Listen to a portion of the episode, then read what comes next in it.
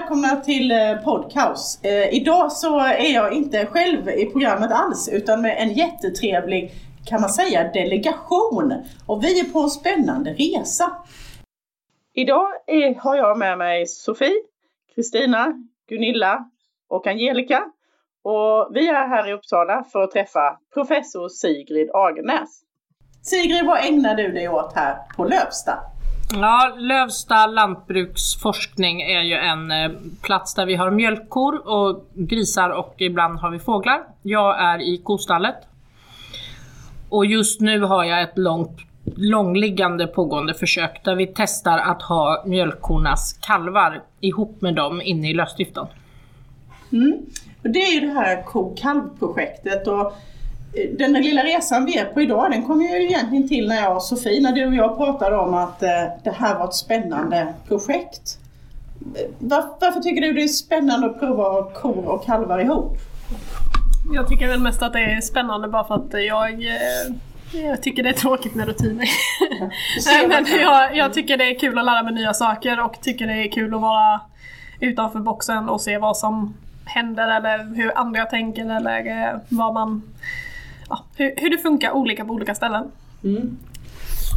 Och det här, vad är det ni gör? Ni tittar på hur länge går kalvarna ihop med korna och hur länge har ni hållit på? Vi började i augusti 2019 och eh, då valde vi att ha kor och kalvar tillsammans i fyra månader. Mm. Första två månaderna hade de möjlighet att ses när som helst på dygnet. Mm. Och när kalvarna i genomsnitt var två månader gamla så satte vi dem på halvdygnskontakt. Mm.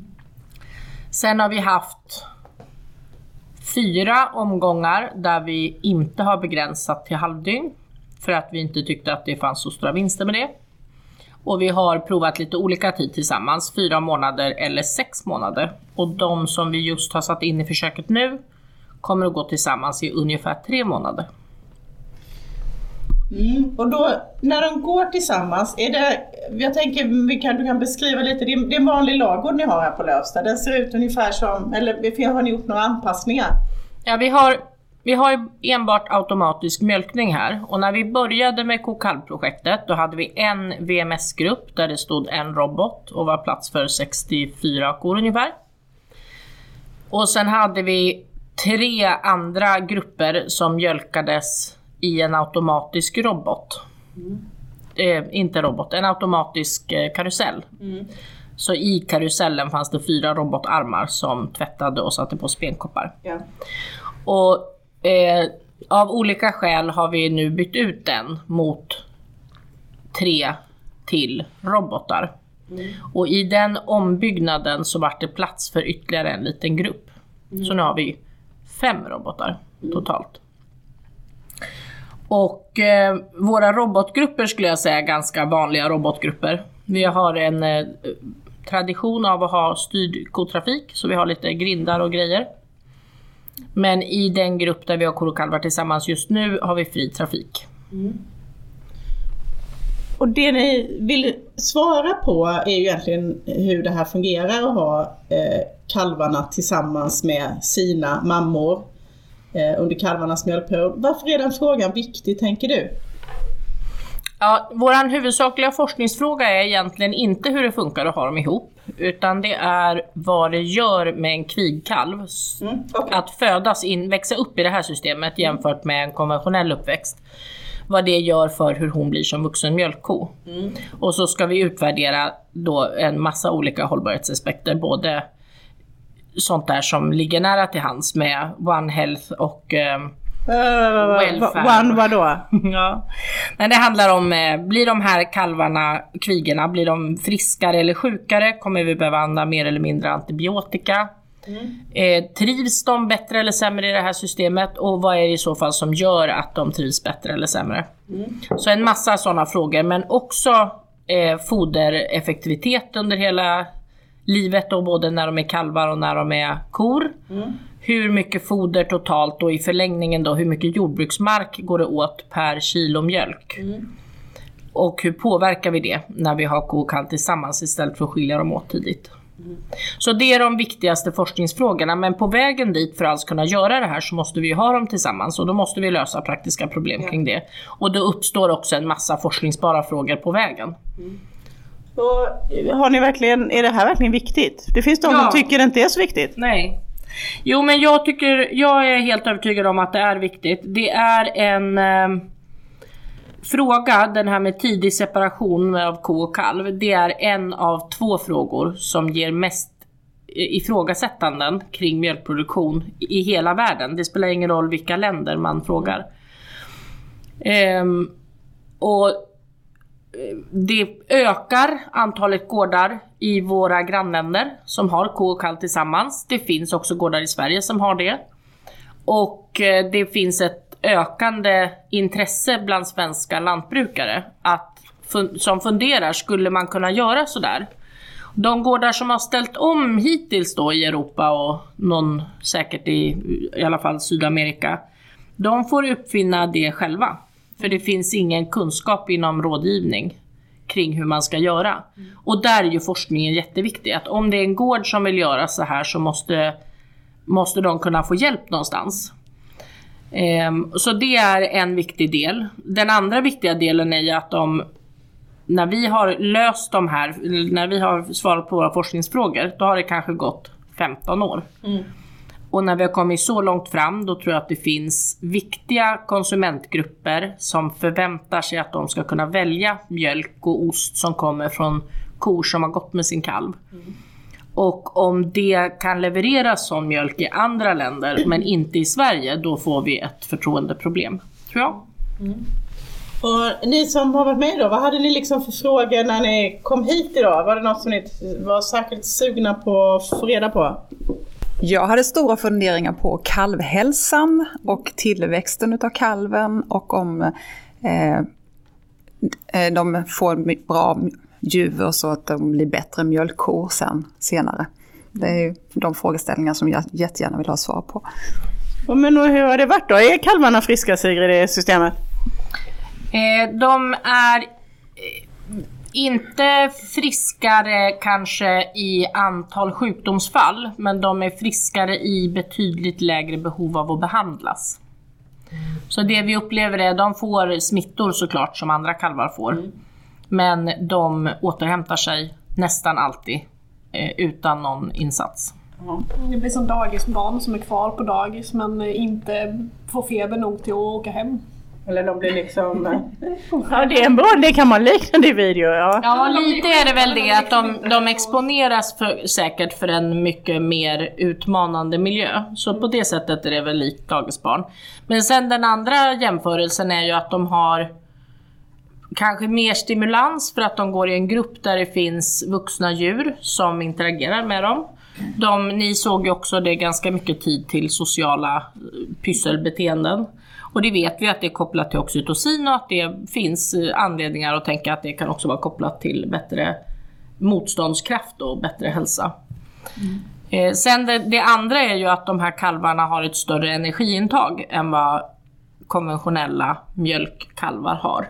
Och ja, alltså för att de dricker helt fritt. Hur mycket dricker kalvarna? Vet ni det? Vi vet inte exakt, men vi vet eh, att det är upp till 18 kilo per kalv per dygn. En, när de dricker som mest. Och enda sättet att få veta exakt, det skulle vara att väga kalvarna innan och efter varje digivning under en period. Forskningsmässigt ger det jättebra data, men det är fruktansvärt i ett VMS-system att försöka rigga det. För då ska man hitta en kalv som ser ut som att den tänker dia, så måste man släppa iväg den på något sätt till en våg. Och sen ska den vilja dia och den ska inte hinna kissa och bajsa. Och den, så det har vi inte givit oss in på. Utan vi jobbar med lite andra sätt att skatta kalvarnas mjölkintag. Men och det, det som frågan också var, var hur de blir när de kalvar in. Har ni haft, har ni haft kor som är födda i detta systemet och Ja. har kalvat in? Vi har det och, och de, vi har kor som har gått igenom sin första laktation men det är få och jag har inte börjat titta på de data än. Så vi får liksom, vi- den spänningen får bestå i Ja. om det. Men vad har känslan varit? Alltså, det har inte varit någon typ av katastrof, det skulle du veta om. Mm. En katastrof då, för då skulle lagen ha hört av sig och vilja ha kompensation från mitt försök för att korna ger för lite mjölk. Ja. Och det har, har jag inte hört. Eh, det som jag tänker på är att en del av de här kalvarna växer, de växer fort och blir också ganska runda. Så att vi, vi har sett att de under en del av uppväxten har liksom eh, skrynklor i juvregionen som en annan mjölkraskalv inte har. Och som skulle kunna vara tecken då på stor fettansamling. Ja, det är den där gamla förfettningen Ja. i djuret. Och andra, ja, det är ju spännande. Så den är jag ju lite så här nervös för. Inte kanske så mycket för själva fettet, men för att det är kopplat till att, att man kommer i eh, könsmognad tidigare.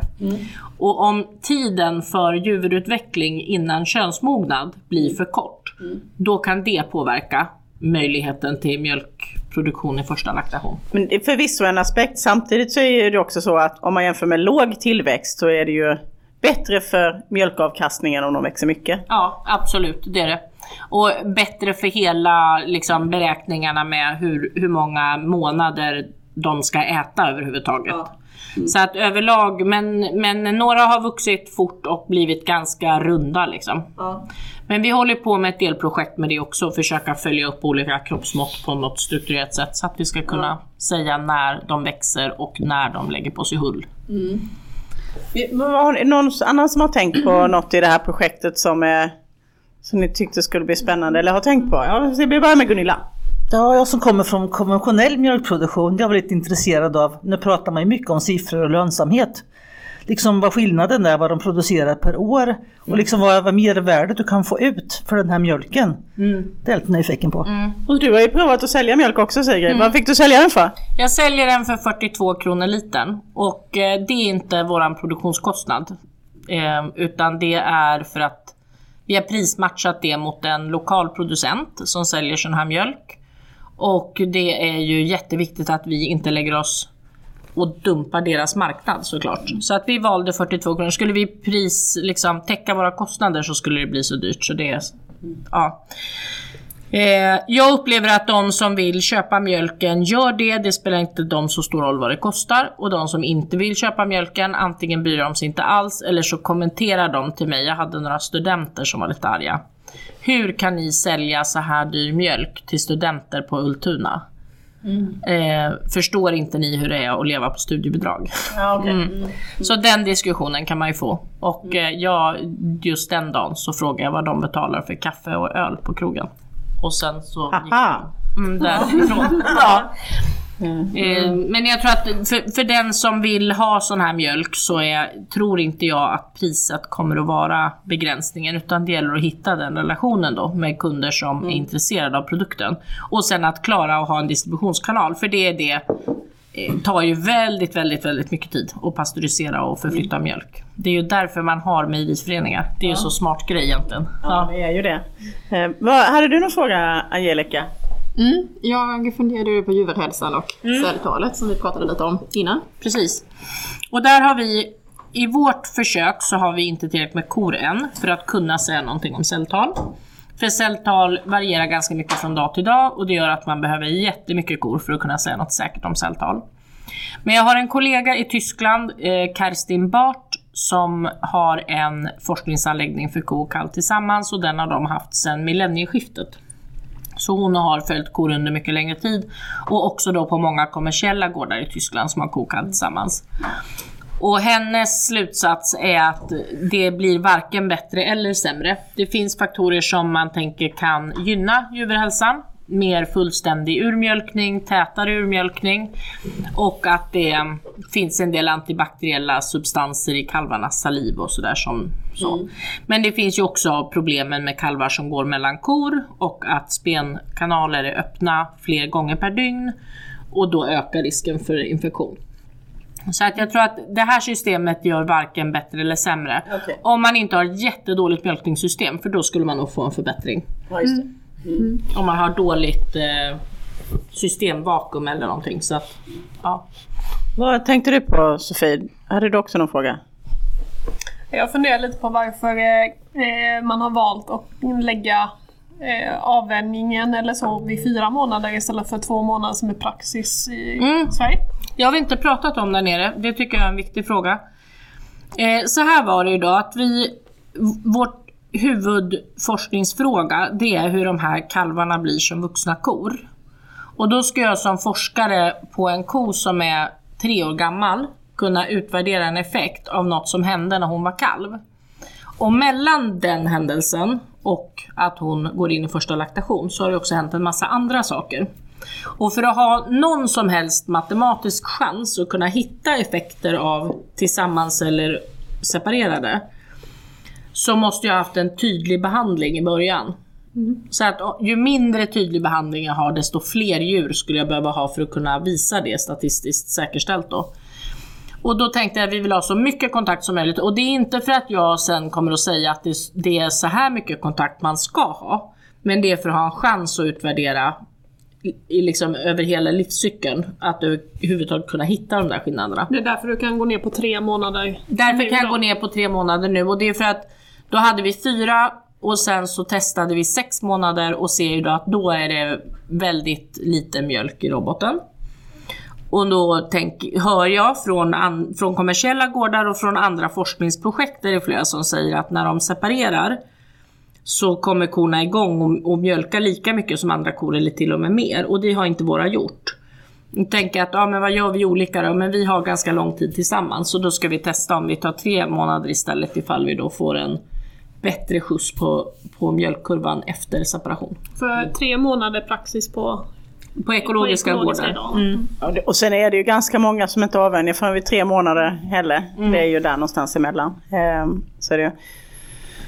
Men eh, jag tänkte på det Gunilla, Gunilla pratade om här innan med mjölkmängden, hur mycket den ändrar sig eller så. Och så har inte jag svarat på det. Nej, Nej. precis. Eh, Utan eh, just hur mycket, Ja. alltså, om man räknar ECM per år eller per laktation eller så. Ja, och nu äh, tänker inte jag svara på det, för det vi har sett hittills är att vi trodde efter första omgången att vi visste hur mycket mjölk vi förlorar. Och sen i andra omgången var det ett annat nivå.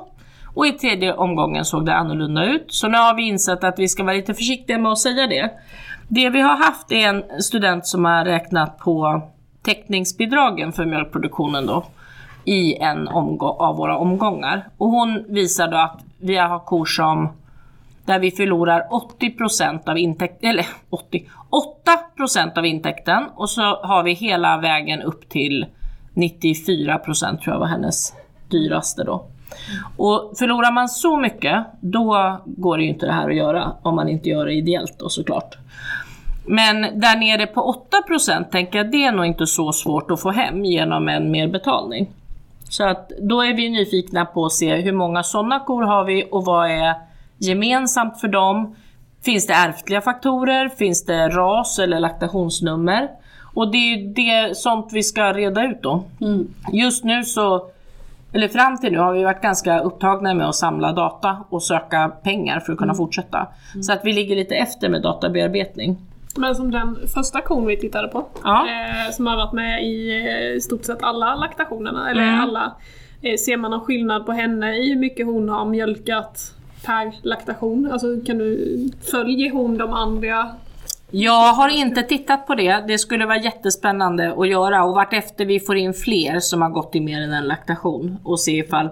Och då, hon är intressant för hon har varit med i försöket i laktation 2, 3 och 4. Jag är inte så nyfiken på att jämföra första laktation med andra laktation för det blir så rörigt. Men eh, det är en av de jämförelserna vi måste göra och då kanske vi kan podda om det igen. Men skulle jag börja svara nu då skulle det helt säkert vara fel. Jag kommer jättegärna tillbaka till Ja, det får vi absolut göra. Eh, En annan sak som jag tänker att en del kan tro kanske det är att kalvarna inte ska vara tama eller vana vid folk. Men det tror jag vi kan... eh, Det är nästan motsatsen. Ja, det var nästan Alltså, motsatsen här nere. ja. Eh, Eller vad säger ni? Jo men jag tycker nästan det, för eh, nu kanske det är bara på våran gård men eh, jag tycker ändå att vi är rätt mycket med våra kalvar. Men just de här eh, sex veckors kalvarna eller sånt, alltså de här lite mindre kalvarna, de kan vara rätt så skygga. Speciellt liksom den här sociala kontakten eh, i övrigt. Eh, jättetrevliga så länge man har mjölkspalt men i övrigt så lite, lite hariga men det var ju inte alls så här. Nej. Nej, de är väldigt Sen sociala. kanske det är bara våra kalvar, det vet jag inte. Nej, men jag upplevde de här som spektakulärt sociala och kontaktsökande. De här som Och väldigt kan göra. trygga mammor till att liksom låta... Mm. Då, då har vi, vi har ju en besättning som finns till för forskning och undervisning. Så är, de träffar ju mer personer än vad andra kor gör. Eh, och har vi kor som är riktigt rädda för folk, de kan inte vi ha kvar för det blir för farligt i undervisningen. Eh, så är det någon som är så här helt i liksom flyktpanik, då blir inte de här så länge. Så det finns väl en viss snedrekrytering där. Men sen när man står länge i gruppen och tittar, så jag har ju som sett kalvar, de står och, och umgås med sin mamma eller en annan vuxen ko. Och så kikar de på människor och så är de vid den här kon och så kikar de och sen efter en stund är det som att nyfikenheten tar över. Och då går de ett varv och kollar på den här människan och så går de tillbaks till den stora kon och sen och till slut så står de bland människorna och det är åtta stycken som kliar dem på olika ställen. Och den liksom resursen att kunna hämta lite mod och stöd eh, tro, kan jag tänka mig kan göra ganska stor skillnad. Ehm, och där har vi också haft vi har haft några enstaka kalvar som vi har upplevt att de kommer inte fram. Och de har varit när vi ska ta prover på dem, att man känner att de är spända och rädda. Och de har vi eh, tvångsgosat med när de är små första veckan. Att vi håller fast och gosar och kliar tills de slappnar av. Och det har funkat bra. Sen är det säkert så att en del av kvigorna som har fötts i vårt försök är lite skygga nu. Men de allra flesta upplever vi inte det. Nej, det är spännande. Nu, och när vi är här idag så är det faktiskt fortfarande snö. Även om vi inte har snö i Småland. Eh, men när det blir sommar och bete, har ni kört projektet då också? Mm. Vi har haft kokalvgrupper på bete tre somrar tror jag att det är, fyra somrar kanske? Nej det kan det inte vara. Vi hade 2019 på slutet av sommaren. Och sen blev det 2020, då hade vi kalvar ute. Och sen hade vi det 21 och 22, alltså det blir fyra år då har vi haft dem ute. Och det funkar också? Ja, det funkar jättebra såklart skulle jag säga. Och där har jag också försökt lägga ut lite filmer ibland som visar jag ingår ju inte i den dagliga djurskötseln så när jag kommer då är jag ofta en ganska ny person. Och står jag, jag kan stå nära kor och kalvar som ligger ner och filma och prata och greja. De går inte upp för att jag kommer fram och sådär. Och det är också bra för forskningen för då kan vi studera djuren utan att tänka att nu har de flyttat på sig bara för att vi gick in. För det är ett problem annars. Men, eh, Ja, Angelica. ja, men sommartid då hålls kalvarna ute och korna går in och mjölkar sig och äter. Mm. Eller De första åren gjorde vi så. Så där hade vi liksom när kontaktytan var utomhus. Ehm, och då har vi också haft en kalvgömma utomhus där vi har ett flyttbart skjul som ger skugga och en torr bädd åt kalvarna. Och någon gång har kor också fått gå in i den. Det går inte därför att Holstein-korna blockerar den så fort det blir molnfritt på himlen. Och då får ingen annan plats. Nej.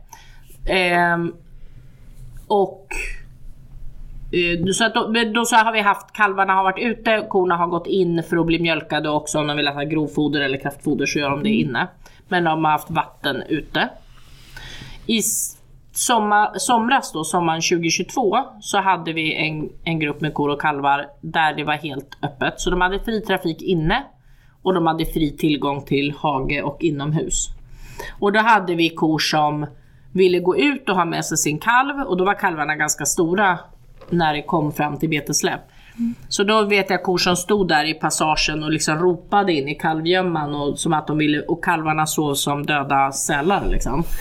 Eh, och kalvar som var ute och kon var inne och en del par går väldigt tätt ihop. Så jag tror att det är viktigt att komma ihåg att det här är någonting vi inte har avlat på hos mjölkkor.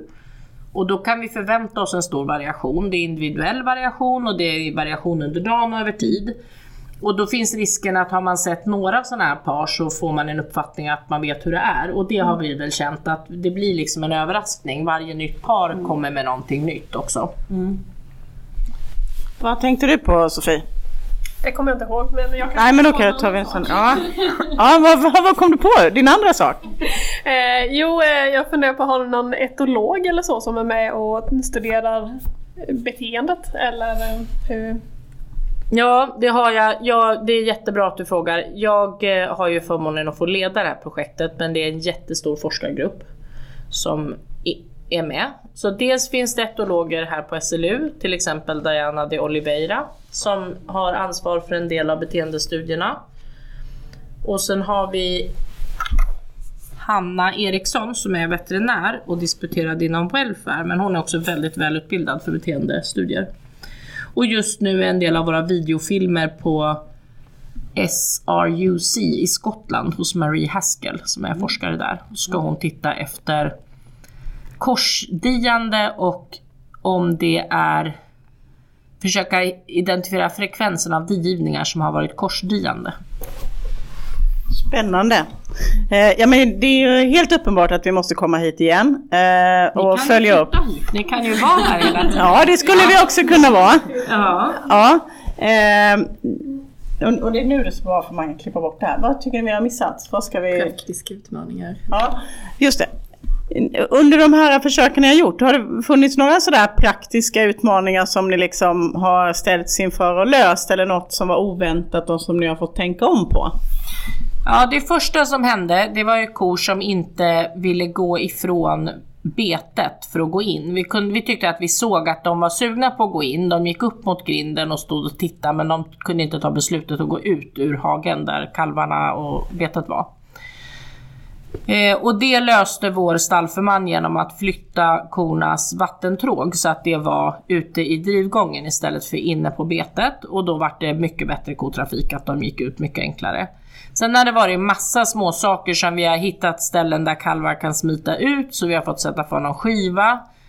Eh, det har varit någon ko som inte ingår i försöket och som har velat äga kalvar så hon har inte kunnat vara kvar i den gruppen för hon har blivit helt hagalen. Tänker inte nämna några konummer nu men hon får inte vara med. Nej. För att hon, hon är lite dominant och hon ska ha allt i hennes. Alla bra resurser ska hon ha. Eh, Men, men annars är det ju mjölknersläppen i roboten då. Det är en av de stora. Det, det måste vi lära oss mer om. Hur ska vi göra för att de här korna ska leverera mjölk i roboten? För det finns ju de som gör det och så finns det de som inte gör det och då tänker jag att då finns det en utvecklingsmöjlighet. Och det andra är när och hur man ska separera när den dagen kommer. Det är också en praktisk utmaning. Men annars under tiden vi håller dem ihop, den dagliga djurskötseln, den fungerar överraskande bra. Det är inte en massa problem. Jag tänkte att de kommer väl att ringa hela tiden och fråga. Men så är det inte, utan det rullar på.